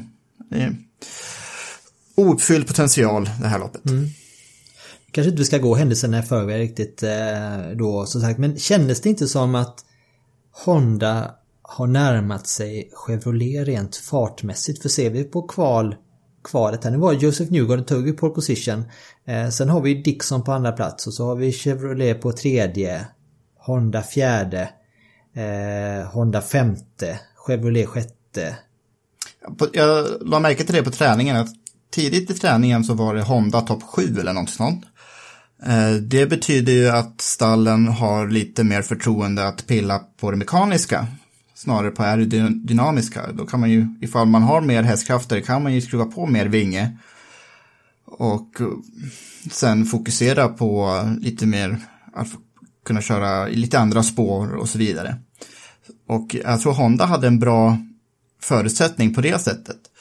Eh, ska ju inte glömma heller att Honda borde ju vara topp två i loppet och sen är det två Penske-bilarna och sen en till Honda efter, efter dem eh, starkt gjort av Honda alltså, skulle jag säga, den här vintern. Eh, nu har vi två team kvar. Eh, vi har eh, Chip Ganassi och så har vi eh, Penske såklart då. Eh, men vi börjar med Penske. Där har vi eh, Will Power på trettonde plats, Joseph Newgarden på tredje plats och Simon Paginol på andra plats. Och det är själva tusan också att de här att de lyckas krångla sig till och komma upp i toppen trots allt här nu. För tar vi Joseph Newgarden så var det ju han hade ju inte det var inte optimalt för honom. Han hade ju lite problem med vibrationer och så under racet och hade klara problem med farten jämfört med Chip Ganassi. Eh, och så tar vi Simon Paginot då som eh, kanske inte hade helt problemfritt heller men likväl så är de där uppe på podiet. Mm.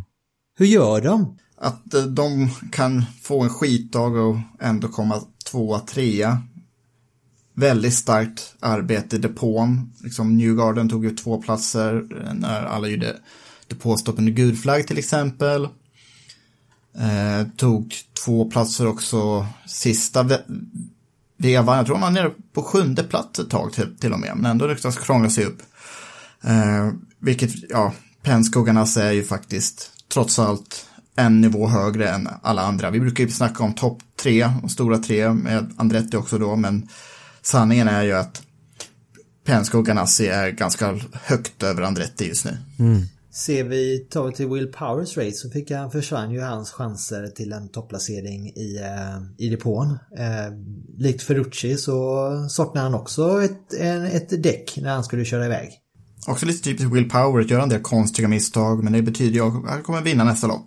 Så, eh, ja, willpower gonna willpower liksom. Jag vet inte. Han är en av mina favoriter bara för att han är så skön och så snabb. Ehm, så att, eh, nej, han studsar nog tillbaka. Han har ju också så här, normalt sett en farlig förmåga att det kan hända grejer men likväl så lyckas han vända på kuttingen och eh, få en topplacering på slutet. Men nu var det inte så den här gången. Men ehm, så Penske kör ju likt Chip Ganassi med tre bilar i år. Det kanske är den där eh, den, per race då. De kommer ju köra fyra någon gång också då. Så, men eh, det känns ju som att det, är- det är nog en ganska bra balans där med att hitta bra dynamik i teamet. Att inte vara för många. De här tre kanske är alldeles lagom. Jag tror nästan tre är någon slags sweet spot. Mm. Tre, fyra där, för då, då får du in massvis med information från, från dina bilar. Men sådär organisatoriskt så tror jag att det är lättare att hålla ihop än om du börjar komma upp i fem, sex bilar som Andretti.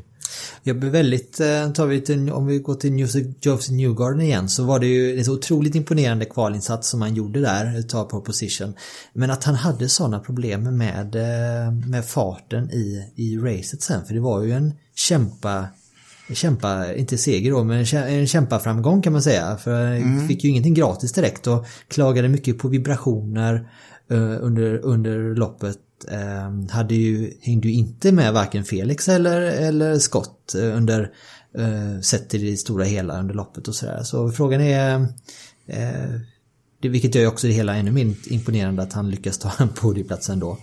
Eh, Ja, Ja. Väl, alltså väldigt konstigt att det enda stallet som når det här berömda The Cliff med däcken var Penske. Liksom efter 25 varv så tappade de ju all fart och de var bromsklossar. Både Newgarden och Paginot, ska man ju säga.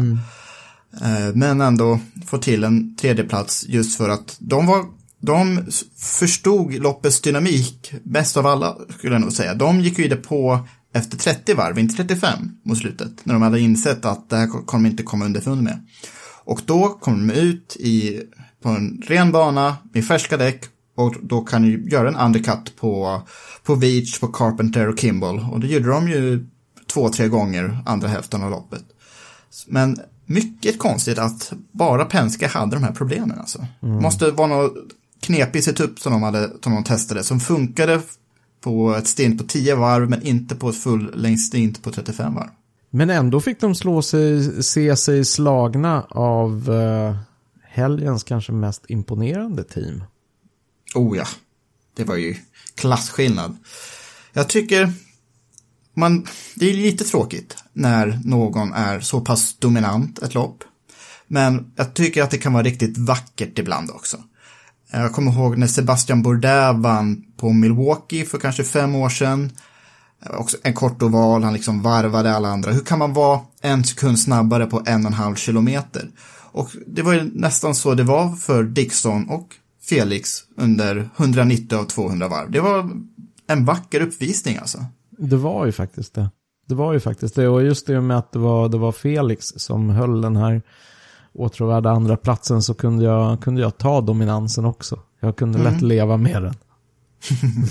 Jo. Vi har ju faktiskt, eh, när vi ändå kommer till eh, Chip Ganassi här nu så eh, fick ett, vi fick ett lyssnarmail från Hans Jungfelt som har tecknat ner lite, lite tankar och lite frågeställningar här till oss inför avsnittet.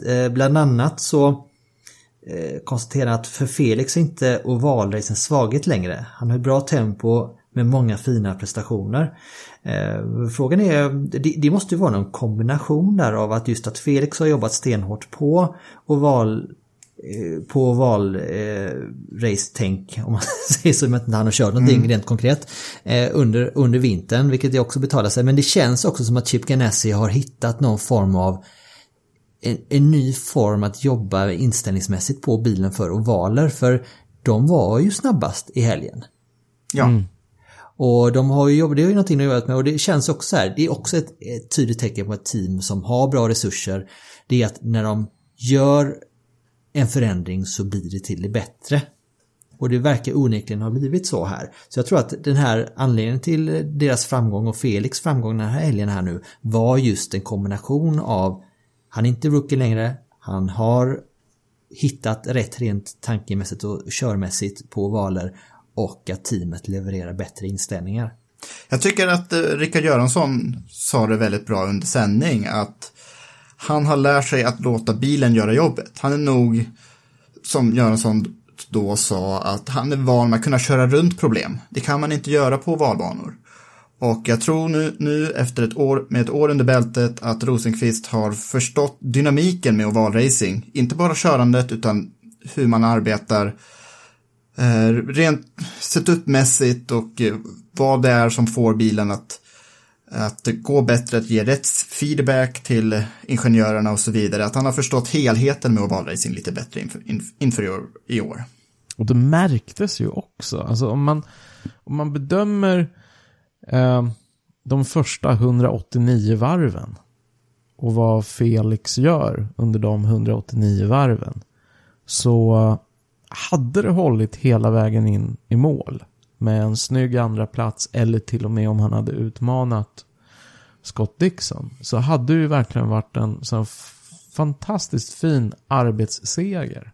För han mm. jobbade sig så otroligt systematiskt fram genom fältet och det var så uppenbart att det var liksom en kombination av att han hade materialet. Bilen fanns där under honom. Men han visste också hur han skulle göra. Vad han skulle göra med det. Och hur han liksom stegvis, ganska snabbt redan i samband med de eh, första pitstoppen var uppe på en, en, fjärde plats och sedan bara liksom kom närmare och närmare Simon Pagenaud och tog tredje platsen och hur han liksom stegvis jobbade sig närmare och närmare Dick, Dixon i olika faser i andra halvan av, av loppet. Alltså det var, man såg verkligen hur, hur eh, stark samklang det var mellan Felix insats och, och bilen han körde. Så det, var, det var verkligen så här, team och förare i vacker samklang. Första 189 varven. det var också en av mina, innan vi kommer till den onekliga, eh, ja, det, det, som avslutade Felix race. Eh, men innan det så var faktiskt en av mina favoritögonblick eh, under racet, det var de här varven där Felix bygger upp en omkörning eh, förbi när han skulle köra om Simon Pagenaud tror jag det var. Det tog ju kanske 5, 6, 7 varv innan han gick om men påbörjades redan flera varv innan då och sen det, det visar ju på något sätt att man har knäckt koden kring hur man kör framgångsrikt på en oval. Just det. Mm. Ehm, så nej, grymt imponerande. Men sen så kommer vi till den här situationen då där han, som du säger då, när det är med 10 eller 11 varv kvar så tar racet slut. Ska vi dra bara ja. lite vad som hände? Trots att alla vet det. Ja, förstås. Um, ja, men var börjar vi? uh, jag, vill, jag vill börja med det faktum att James Hinchcliffe, han är ute på gamla däck. Han har 35 varv gam, gamla däck, han är på väg in i depån, hamnar i en klunga med massor som kör, håller på att köra om honom. Inklusive Scott Dixon, Uh, så jag tror Hinchcliffe liksom är beredd på att gå in i depån, så han kör mycket långsammare än alla andra. Rosenqvist kommer med en väldig fart, ja, måste ju backa av på start och mål lite grann. Uh, bakom Rosenqvist kommer Marco Andretti, som tajmar in omkörningen in i kurvett perfekt på både Hinchcliffe och uh, Rosenqvist. Andretti är här ett varv efter. Men kom ihåg, vi ska inte tillämpa något europeiskt blåflaggstänk här. Det var inte farligt alls under hela det här loppet. Inga blåflaggor alls. Så Andretti sveper förbi bägge eh, Rosenqvist och Hinchcliffe. Eh, Hinchcliffe är redan lite ur fas med gamla däck. Eh, går lite högt då. Eh, det ser inte ut som att man får ett kast, men det är inte en, en trygg situation han är i i alla fall. Och då kommer Rosenqvist upp i den här mörka delen av banan där Sato kraschar på träningen och det vänder runt. Det är min snabba analys av det. Och hade vi kunnat, hade det kunnat undvikas? Ja, det är klart det hade kunnat göra. Men det kändes ju som att det var en, en, en ett antal chain of events, eller vad säger jag, som, jag, som mm. fram till det. För jag tror att hade inte Andretti kommit där med den farten som han hade gjort, så det var ju nästan som att det blev det blev, alltså störningen kom redan i ingången till, till kurvett där. Då, mm. När han liksom tog den ideala linjen där och jag tycker inte, det har ju snackats om att Andretti liksom vek in för bryskt liksom eh, framför Hinchcliffe och så men jag tycker inte vad ska han göra liksom? Han kommer med full fart där, eh, slipstreamat om med tanke på att det är så halt i ytterspår också. Så det är klart att han vill in där. Det var ju inte så mm. att Hinch fick korrigera för att Andretti som tryckte in bilen där. Sen till följd av det så kanske att han tappade lite, lite downforce eller någonting gjorde att han driftade upp lite vilket var tillräckligt för att Felix skulle tappa sin eh, tappa greppet själv då. Mm. Så att det,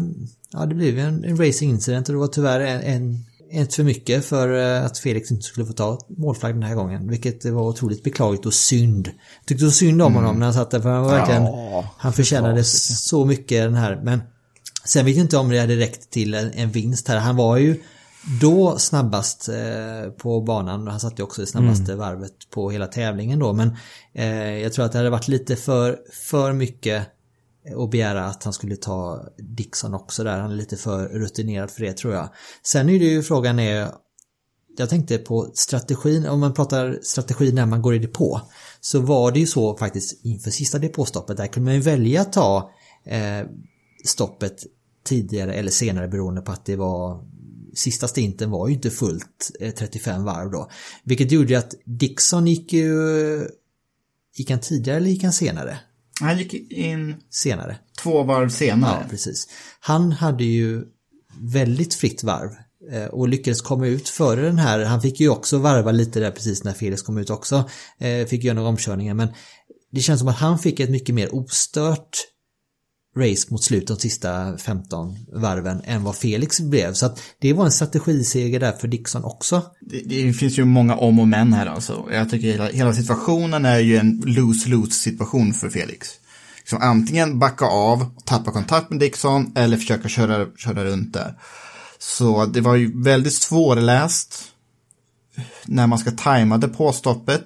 Och det är inte så konstigt men det är en eh, en sån här tajt ovalbana. Det är jättesvårt att få in två rena varv direkt efter påstoppet. Nu fick Felix det, men sen så blev det totalstopp på, på det tredje varvet då.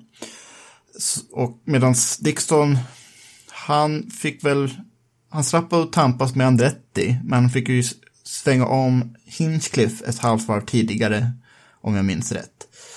Eh, så han fick ju lite, han hade turen på din, sin sida där, faktiskt, får jag lov att säga. Men vad tror ni att det här betyder för Felix på lite längre sikt? Sätter det myror i hans huvud? Nej, det tror jag faktiskt inte. Inte jämfört med olyckorna på valet förra året. För det här, ja men på grund av att det var i hans händer. Mm. Eh, det var hans beslut. Han, tog, han har tagit det på sig helt själv.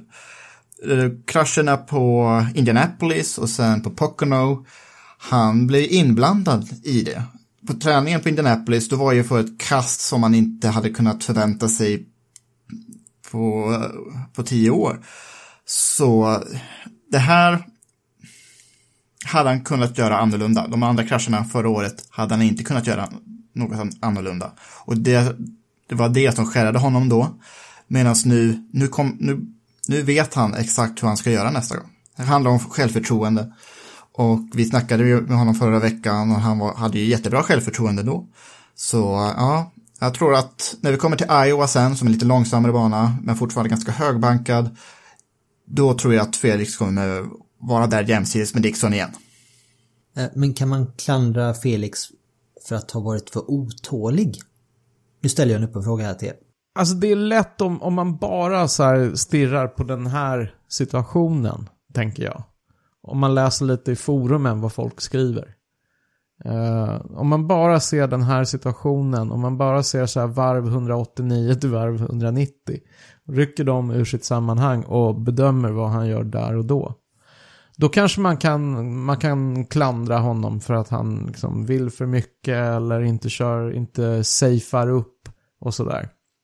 Men det är precis det jag menar om man ser vad Felix gör varv 0 till 189 så tycker jag att han jobbar ju otroligt metodiskt, klokt fram genom fältet hela vägen. Eh, så att, och det tycker jag tyder på att nej, han ger sig inte in i det här slaget med någon slags Takuma Sato-inställning och bara fan nu får det bära eller brista. Utan det här är, det, här, det sker, han gör en bedömning på några tusendelar sekunder som råkar bli fel. Um, av alla de tiotusentals bedömningar och, som han redan har gjort under loppet så råkar just det här bli fel. Och det får skittråkiga konsekvenser. Inte minst för alla oss som satt hemma i soffan mitt i natten och, och verkligen längtade efter den här stora framgången som liksom bara vi fick snudda vid eller bara känna doften av men inte fick se materialiseras. Det, det var en så enorm besvikelse. Men, men ärligt talat, jag, jag tror att det, det, det, det är sånt som händer på den här nivån. Jag tror inte att han liksom ville för mycket eller gapade efter för mycket. Jag, jag, jag tror att det här var en race incident. Jag vill tro det i alla fall. Och, och jag tycker att så, så som han så här, hanterade de hund, första 189 varven så, så tycker jag nog det mesta tyder på att det var det. Om vi tittar på eh, Marcus då? Ja, han var ju lite i skymundan. Men ja, jag skulle ge honom ett väldigt fint betyg. Sitt första lopp för Chip Ganassi Racing. Kvalade in som 17. Eh, hans helg var ju handikappad redan från början med tanke på att han var tvungen att kvala först. Banan var som varmast i som sämst skick liksom. Eh, men sen så sakta men säkert upp till en, eh, vad var det, en åttonde plats han var till och med varv 196 då var jag.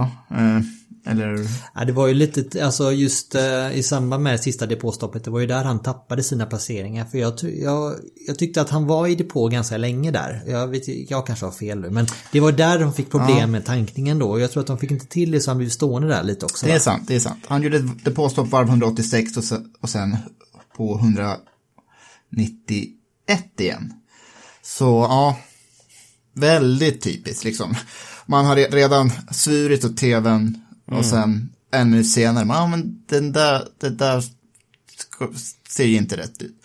Så uh, men, med det här väloljade Ganassi-maskineriet var ju ändå inte hundraprocentigt, för det här var ju klantigt liksom. Det var, det var något fel med bränsleriggen alltså, så de fick inte in, in något bränsle. Mm. Men om vi ser loppet som innan, det var ju liksom Marcus uppgift att vara konservativ här. Det mm. låg ju helt i hans intresse med tanke på förutsättningarna både före och innan kvalet. Eller före och efter kvalet. Ehm, och han jobbade ju sig alltid uppåt. Han blev omkörd en enstaka gång eh, direkt efter en omstart, men tappade aldrig under stinten och sen vid, i depåstopparna tog han ett par plaster till och så vidare och så vidare. Han var ju, det var ju jämnt skägg mellan honom och Colton Hurt där i stort sett hela mm. loppet. Och Colton Hurta ratear vi ju väldigt högt också. Ja, han slutade så... sjua, så att det är väl mm. inte helt otänkbart om Marcus hade hållit samma nivå hela vägen, att han hade varit där. Liksom Exakt. 10 i alla fall. Eh, sett till hur teamet, farten teamet hade under det här lördag, eh, lördagskvällen. Eh, mm. Så hade man se, alltså tänker så här, ja, borde han jobbat sig upp ännu högre upp. Ännu bättre borde han ha avfärdat Colton Hurta där. För de låg, han och Askew och Hurta låg ju liksom i ett kluster i väldigt, väldigt, väldigt, väldigt många varv. Utan att de, de jobbade ju sig, de tappade ju ingenting mot ledarna heller direkt. Mm. Ser man det. Så att, men ser man alltså, till... Kanske, men, ja. men å andra sidan, då, då hade ju risken dels ökat för att han hade begått något misstag som vi nu hade suttit här och klandrat honom för. Ja. Så mm. jag är lite på, på Jakobs linje här, att han, Marcus uppgift var att safea. Och det, det gjorde han ju definitivt ja. snyggt. Och dessutom, så första racet för ett nytt team.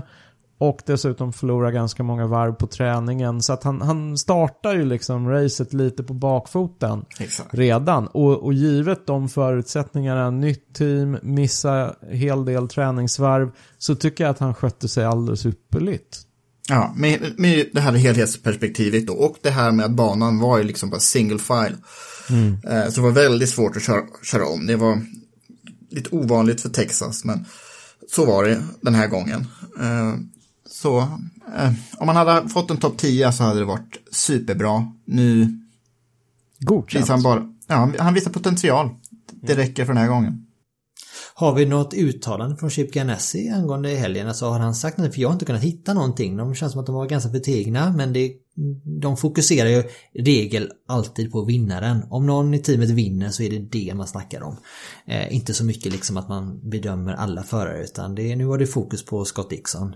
Eh, mm. Så det återstår väl att se här. Vi får ge det några race också men eh, ja, jag tycker... Eh, ska vi säga det att det var... Eh, god, godkänt plus till mycket väl godkänt för sett till det stora hela för uh, våra tre svenskar. Absolut. Ja. Uttalandet från Chip Ganassi som, som jag noterade var ju, var ju chefens uh, skakningar på huvudet på pitwall. Mm -hmm. När uh, ja. Felix hade satt bilen i väggen. Det, det, var jo, ett, men... det var ett talande uttalande. ja, jag tror att uh, Chip himself, lite besviken, men han kan ju inte hitta någon bättre förare. Nej, nej. Så. men jag tror inte han var, han var, han var inte djupt imponerad, tror jag. Nej. Nej. Men, uh, men ska vi ta, ska vi avsluta med nu då, Scott Dixon. Vad säger vi om denna titan? Ja, vilken insats. Ja, det finns inte knappt ens någonting att säga. Det är ju bara modus operandi. Mm. Det är alltså, det detta, är detta 16 eller 18 säsongen i rad som han vinner ett race. Jag läser att jag har hört lite olika men oavsett om det är 16 uh. säsongen i rad eller om det är 18 säsongen i rad där han vinner ett race. Det är 18 säsongen han vinner ett lopp, 16 i rad. För han vann sin rookie-säsong 2001 ett lopp, 2002 vann han inga lopp. 2003 blev han mästare med tre segrar i Indy Racing League. 2004 eh, och 2005 hade han rejäl formsvacka faktiskt. Då kom han, 2004 kom han 10 i mästerskapet, vann inga lopp. 2005 så vann han ett lopp men kom bara 13 i mästerskapet. Sen 2005 har han vunnit minst ett lopp per år. Så, så var det. Och han har varit som sämst sexa i mästerskapet en gång. Dess, Annars ja. har han varit fyra, tre, två, etta.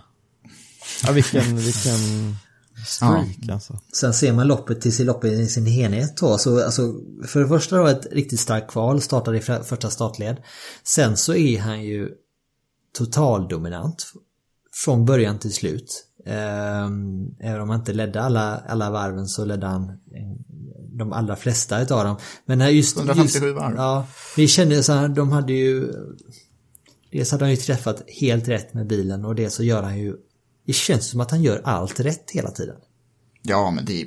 Ja, är du överraskad? Nej. Nej, nej, men alltså jag... jag eh, nu var det ju så att förra säsongen så... Gör, alltså han gör ju stort sett alltid starka insatser men han hade det här lite motflytet förra säsongen. Det var, det var lite smågrejer då så han hade inte sin bästa säsong kan man säga förra året. Bland annat loppet på Texas då. Ja. Men... men nu var det verkligen ja. den här den storheten han visade tyckte jag nu här. Den imponerande storheten som han visade nu i helgen. Det var ett tag sedan man såg den totaldominansen som han visade här. Och mm. det, jag tror att det, det är också där föder framgång för hela teamet här nu att eh, de vet att de har tre riktigt starka förare och de vet att bilen är riktigt snabb och framförallt nu då på valer har de fått ett kvitto på att nu, mm. nu är de ju med. Eller inte bara med, de är snabbast också. Ja. Mm. Han körde sitt snabbaste varv förloppet på varv 200. Bara det är ju styrkebesked. Verkligen. Och de visade ju inga som helst tecken på någon form av däck, alltså att däcken degraderade. De, de hade ju Nej. fart genom, genom alla stinter och förutom då ser man till team, teamet som helhet så var det ju eh, var egentligen bara Marcus då bränslefadäs eller tekniska problem med, med det som eh, var det enda plumpen i protokollet. Felix var ju nära, han tog ju till och med Dick, eh, skott i eh, ett depåstopp. Alldeles i början. Ja. Det var tight. Sen, Sen så tog han ju tillbaka det. Det är också tecken på att det känns som att Scott gör vad han vill. När han är den här, har det här flowet som han har. Ja, Felix kämpade inte emot precis. Nej.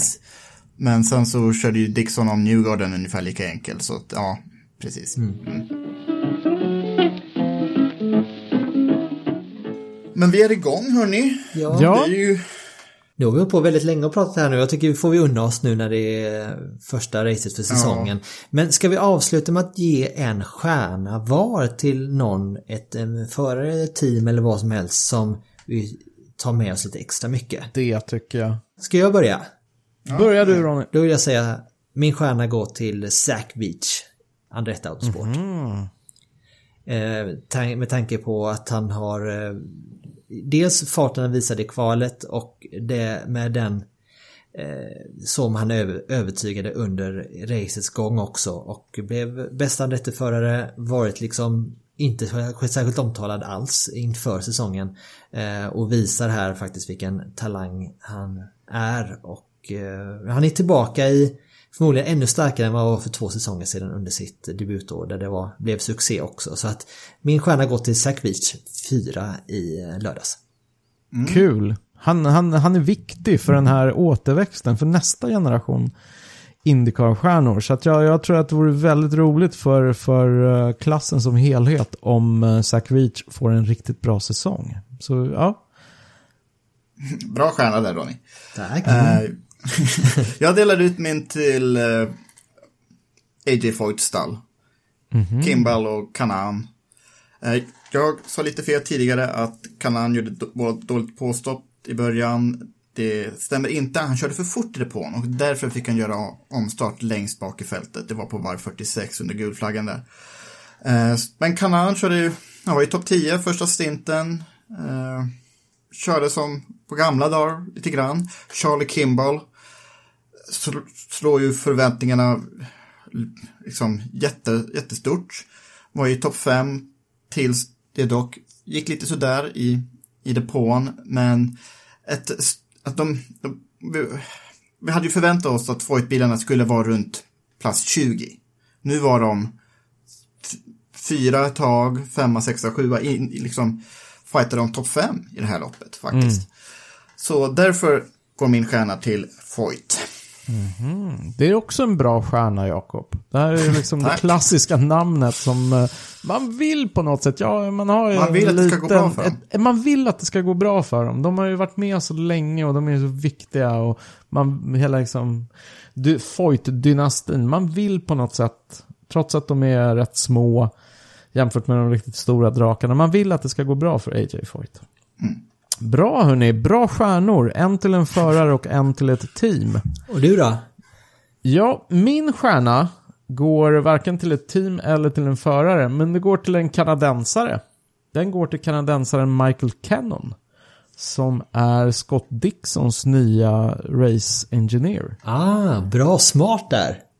Tycker du? Ja, det tycker jag. Ja, Nej men alltså jag, jag tycker att eh, jag, jag, blir lite, jag blir lite imponerad av att eh, han kommer in till Chip Ganassi nyrekryterad från eh, Dale Coin Racing där han jobbade i fjol och direkt på första försöket visar hur bra det här samarbetet med Scott Dixon kan bli. Det är en ganska tuff grej alltså. Så det, det, det tyder ju verkligen på att den här killen är någon som eh, någon som eh, kan sin ovalbane-racing. Han var ju den som översåg Ferrucci i fjol hos Dale Coyne. Och eh, som vi pratade om tidigare, det gick det ofta väldigt, väldigt bra för Ferrucci på ovalerna. Medan nu i helgen var han ju absolut ingenstans. Eh, och det här är en väldigt erfaren racing engineer som har jobbat sig upp genom klasserna och nu måste väl vara någonstans i 50-årsåldern kan jag tänka mig. Så han har ett antal säsonger i Indycar bakom sig redan, så han är, han är verkligen inte purung. Men det bådar, ju, det bådar ju gott för det här samarbetet med Scott Dixon och sånt kan ju definitivt spilla över på de andra Ganassi-förarna som då råkar vara två förare som vi bryr oss lite extra om. Så att jag, jag tycker Michael Cannon får min stjärna för helgen. Tackar vi för det. Jag skulle nästan vilja ge en andra stjärna bara till Indycar-cirkusen i stort, att vi får se det här loppet, men också att de har beaktat det som hände i amerikanska samhället senaste tiden med Black Lives Matter-rörelsen och all polisbrutalitet, att de Eh, stannade upp och eh, blev en stor del av eh, pre-race-showen att prata om utmaningarna för det amerikanska samhället. Många av förarna engagerar sig på sociala medier för att predika social, rättvisa, peka ut de här sociala orättvisorna som afroamerikanska befolkningen har, har lidit under. Det gjorde Nascar också på än mer uppstyrt sätt och faktiskt om man tänker på de två största racingserierna i USA, det finns bara en enda afroamerikansk förare där, Baba Wallis i Nascar. Så det, jag tycker det var väldigt bra att både Indycar och Nascar beaktade det här. Det hade varit tondövt annars mm. och det hade varit kanske lite tondövt av oss och att inte nämna det, det heller. Men det är racing finns inte i ett vakuum. Motorsporten har alltid präglats av stora tänkare. Så det är klart att vi står upp för social, liksom, sociala rättvisor också såklart. Och eh, jag tror inte det, vi kommer få mer, se mer av sånt här arbete från racerförare, från stallen, från serierna själva. Och det gladde mig att man tog, tar det här på allvar mm. från Indycars sida. Det var otroligt starkt eh, uttalande och de gjorde det väldigt tydligt. Det var ingen obskyr liten kommentar bara utan de lät det ta mm. plats i börja jobbet där. Ska vi knyta ihop den här säcken då? Det gör mm. vi hörni. Vad har vi att se fram emot? Inget. Det är slut nu. Jo, det här är väl bara början. ja. 23 avsnitt blev det innan vi fick snacka igenom ett lopp. Det hade ju varit meningen att vi skulle snacka om ett lopp avsnitt 10, men det har ju blivit 13 avsnitt sedan dess. Uh, men det blir ju faktiskt näst, det är fyra veckor till till nästa lopp va? Till Indianapolis. Mm. GP tillsammans med Nascar. Just det. Det blir en höjdpunkt. Vad roligt det ska bli. Ja, ja ingen publik tyvärr då. Nej. Men det, ska, det kommer ju ändå bli en väldigt speciell helg. Det blir Indycar och Xfinity Series på den 4 juli eh, på Road Course. Och sen Brickard 400 i Nascar Cup-serien. Dagen efter på söndagen. Alltså undrar om inte vi kommer vara tvungna att prata lite Nascar den helgen. Ja, det kan vi väl göra. Det kan ja, vi passa på att göra tycker jag. Det unnar vi oss. Inte för att jag kan någonting om Nascar, men man kanske ja, kan lära sig lite. kanske få, ja, få in någon som, som kan saken. I alla mm. fall, vi kan väl göra så att vi engagerar oss lite på sociala medier också. Om ni inte följer oss på Facebook, Twitter och Instagram så gör det, snälla. Vi kan väl göra så i veckan också. Vi lägger upp en Indycar-klassiker så, vi, så att våra lyssnare har någonting att snacka om tillsammans. In, kanske inte nödvändigtvis att vi går igenom våra Indycar-klassiker i podden så mycket, men vi lägger upp ett lopp i veckan liksom på, som, vi, som är aktuellt, relevant, någonting. Vi kan väl börja med ett lopp från 2001 där det var ombytta roller. En svensk veteran jagar en nyzeeländsk nykomling till exempel. Mm. Så det kan vi ju lägga upp på våra sociala medier. Så slå en ping för det bara att följa oss där om ni inte redan gör det. Ja, precis. Och vi vill ju, om ni tycker, håller ni, håller ni med oss om det vi säger i podden? Eller håller ni inte med oss om någonting? Tycker ni att Ronny Larsson Miles är dum i huvudet? Så får, kan ni skriva det, fast kanske på ett snällare, eller inte så elakt kanske, men, men eh, vi vill veta vad ni tycker och om ni har någon input till eh, framtida ämnen i podden och sådär. Så Lämna ett meddelande i våra kanaler eller dra ett mail till eh, podcastnablaindypodden.se och vi vill höra vad ni, vad ni tycker och, och er input är guld värt för oss. Så eh, ja, kör mm. på, kötta på. Mm. Besök Tico Racing Shop också. Ja. Köp F1 och Indycar-magasinet från Automotorsport. Börjar bli lite gammalt det nu med tanke på att vi har, vi har fått in ett lopp, men eh, de sänkte priset på det.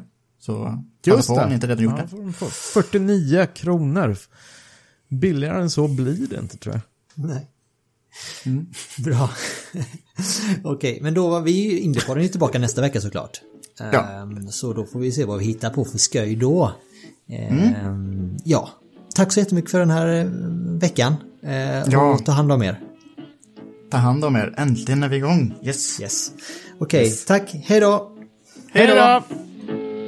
Said I wanna know where my easy rider gone. Said I wanna know where my easy rider gone. She's an easy rider, but she do ride hard so long. Planning for your next trip? Elevate your travel style with Quince. Quince has all the jet-setting essentials you'll want for your next getaway, like European linen premium luggage options, buttery soft Italian leather bags, and so much more. And it's all priced at 50 to 80% less than similar brands. Plus, Quince only works with factories that use safe and ethical manufacturing practices. Pack your bags with high-quality essentials you'll be wearing for vacations to come with Quince. Go to quince.com slash trip for free shipping and 365-day returns.